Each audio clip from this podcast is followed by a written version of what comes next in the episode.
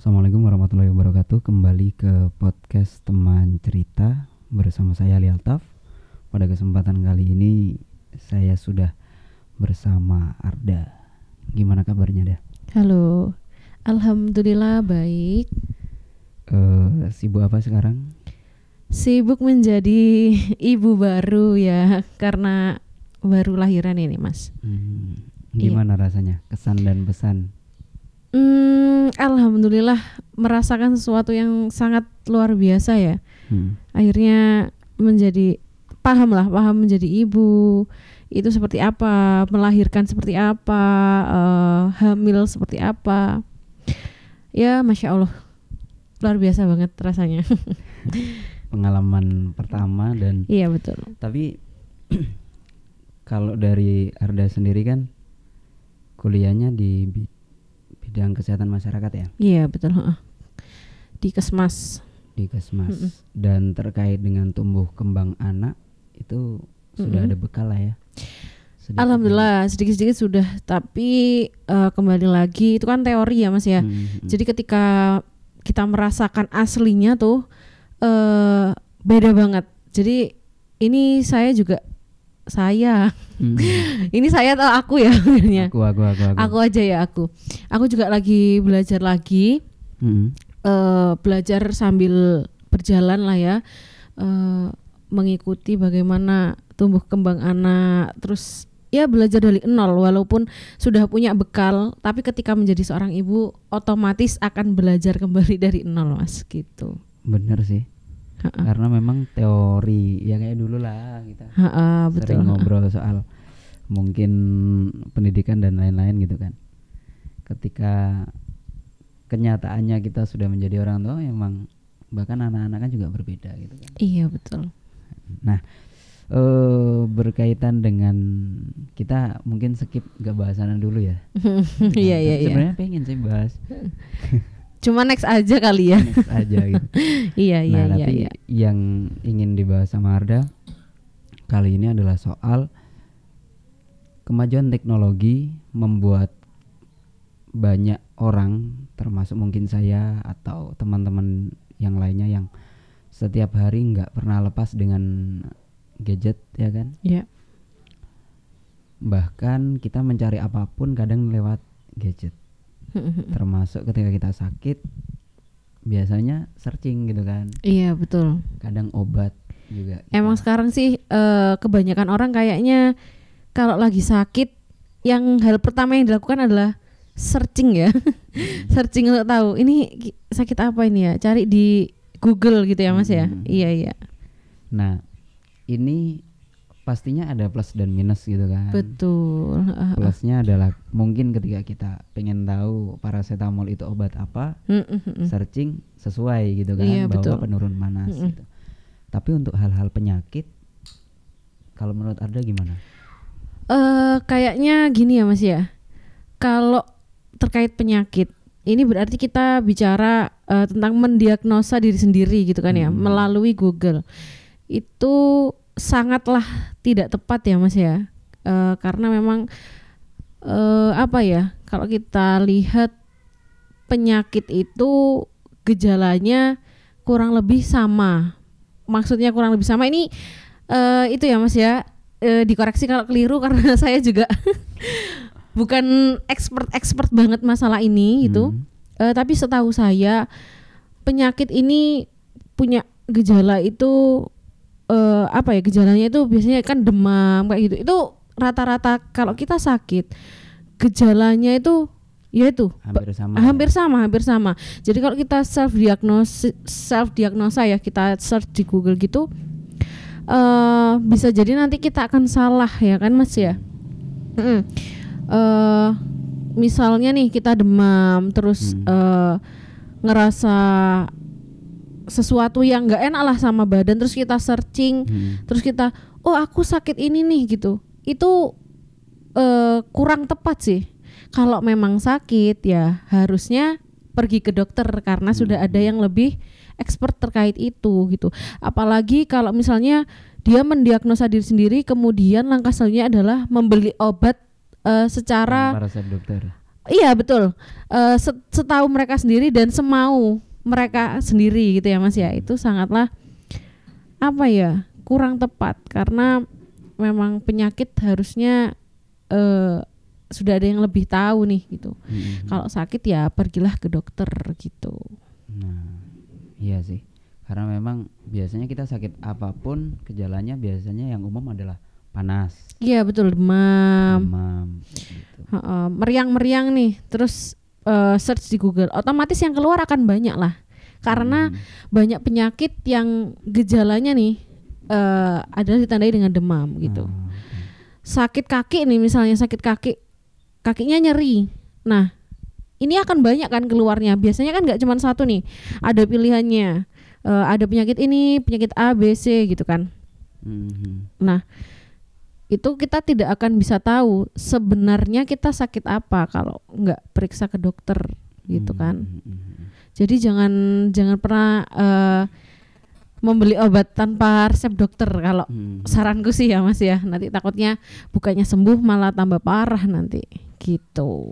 Obatnya tidak tepat sasaran Betul, gitu ya. iya, Apalagi iya, iya. overdosis. Ah, ah, ah, ah, ah. Nah, ini juga menjadi alasan kenapa obat-obat di apotek itu biasanya dengan resep dokter.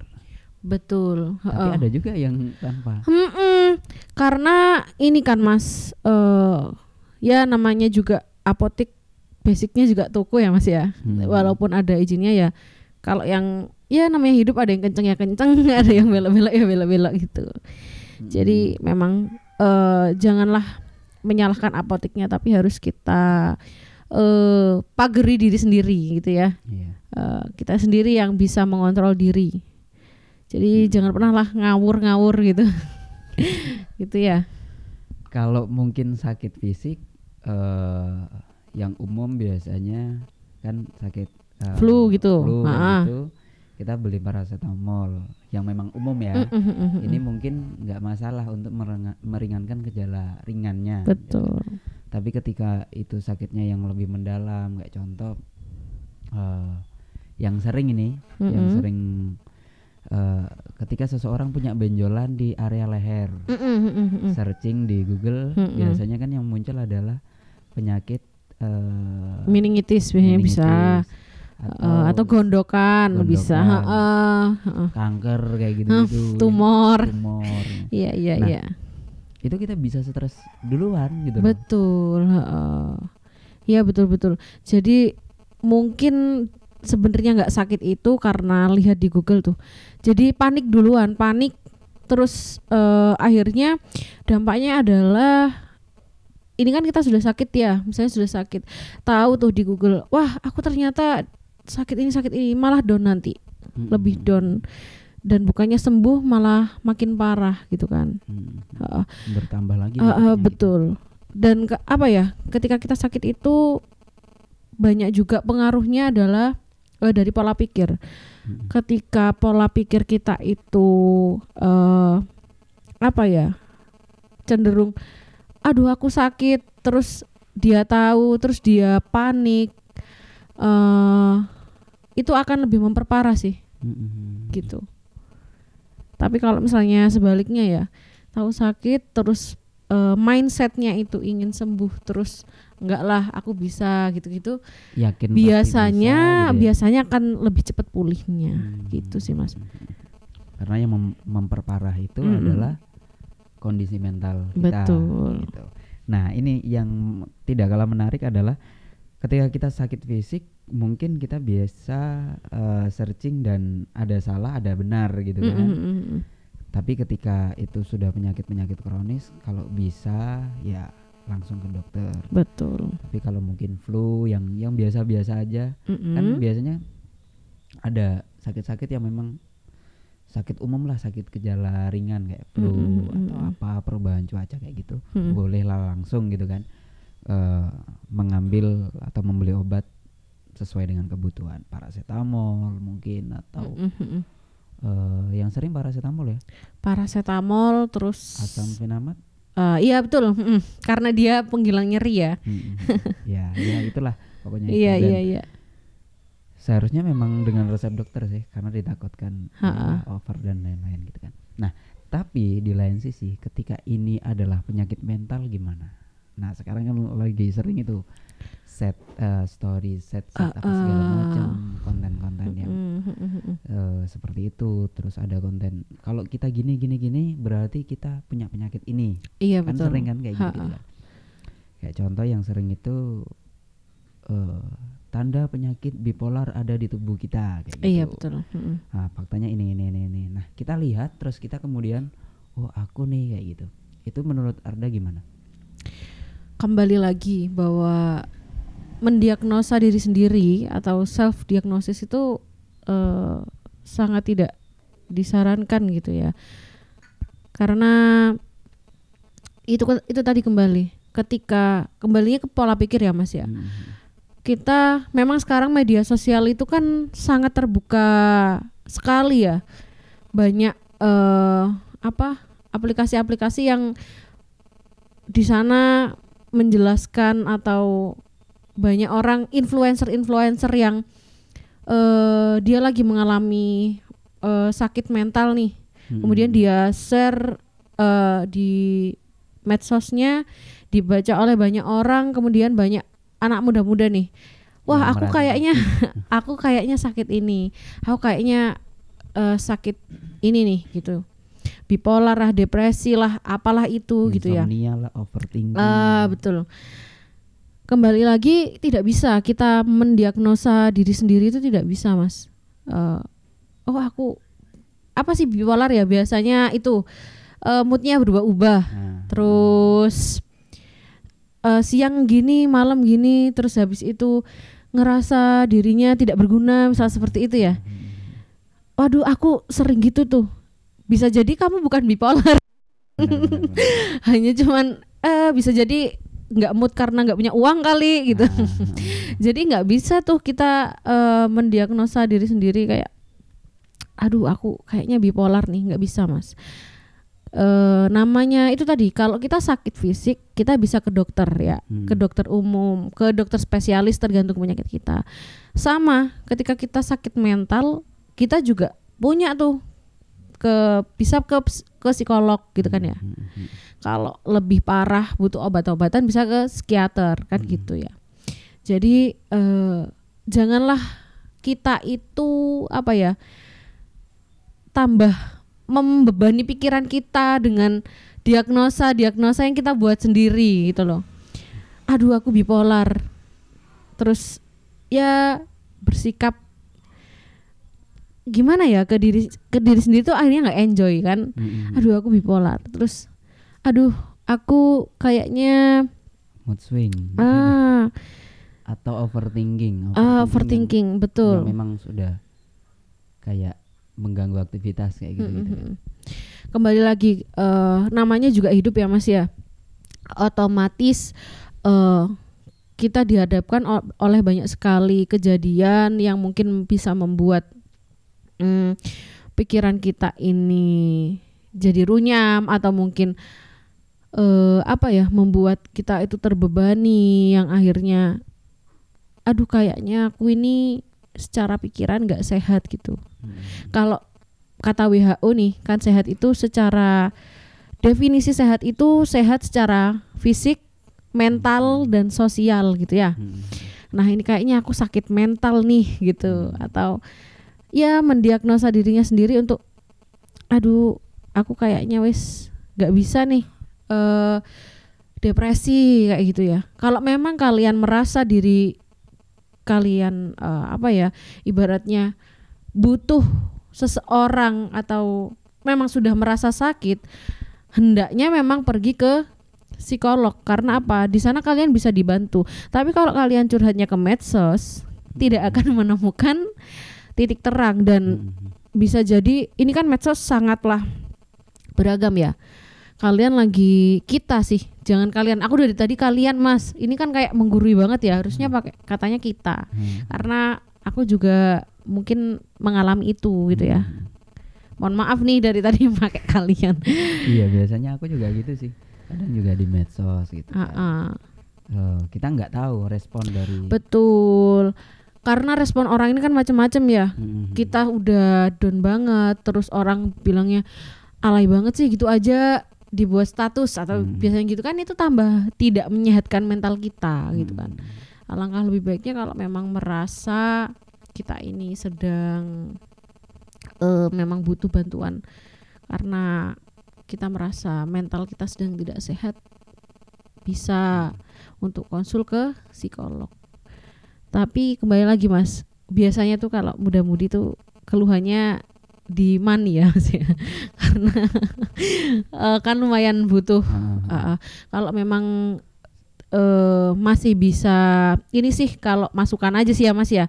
Kalau memang merasa kita sedang tidak sehat mentalnya, mungkin eh kalau psikolog itu membutuhkan biaya, bisalah kita eh bercerita atau sharing ke memang orang yang sudah kita percaya. Hmm.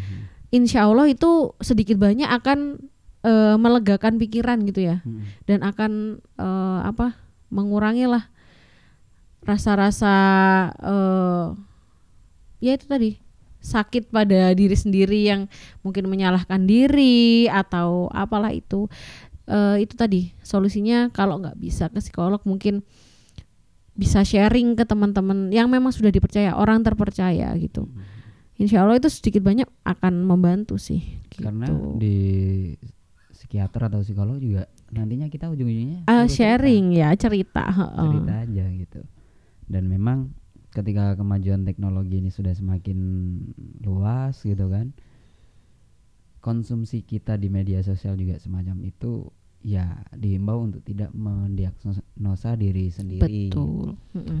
terus kalau seandainya sakit eh, dirasa tidak tidak apa prima gitu ya mending ke eh, psikolog. Atau kalau memang nggak punya uang atau memang nggak punya eh, apa ya istilahnya kesempatan untuk ke sana bisa cerita ke teman betul.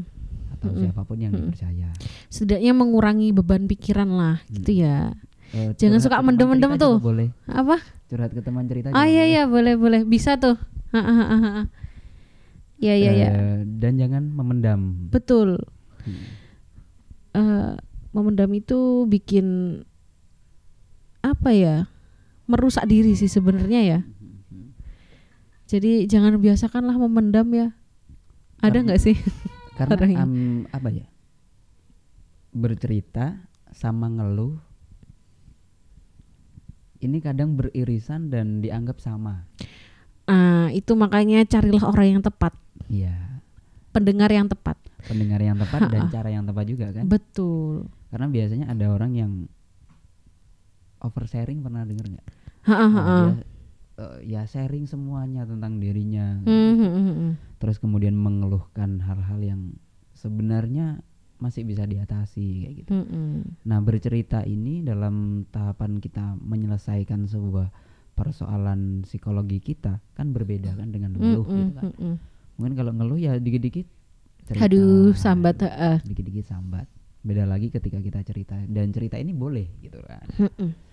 Kalau mengeluh ujung-ujungnya nanti malah membuat mental kita. Hmm, hmm, hmm, hmm. Itu sih. Yang cerita apa untuk mendapatkan solu- solusi ya mas ya? Ya, benar. atau memang kalau tidak tidak butuh solusi ya eh, Biasanya bicaralah sama lawannya. Aku eh, nggak butuh solusimu. Aku butuh orang untuk didengar gitu. Nah, biasanya. jadi eh, sampaikanlah tujuanmu dengan baik gitu. Tujuan kita dengan baik. Biar lawan kita itu paham dan memberikan feedback yang sesuai juga. Itu sih sangat membantu kalau lagi banyak pikiran atau mungkin kasarnya mentalnya lagi tidak sehat gitu ya bisa dilakukan untuk eh, sedikit membantu meringankan lah gitu dan biasanya update story juga sebenarnya nggak masalah karena memang itu media media saat Mm-mm, ini. mm-mm, tapi kita harus punya kontrol lah mm-mm, ya. mm-mm, diharuskan untuk zaman sekarang gitu kan mm-mm. update story itu bisa bikin dunia gempar gitu.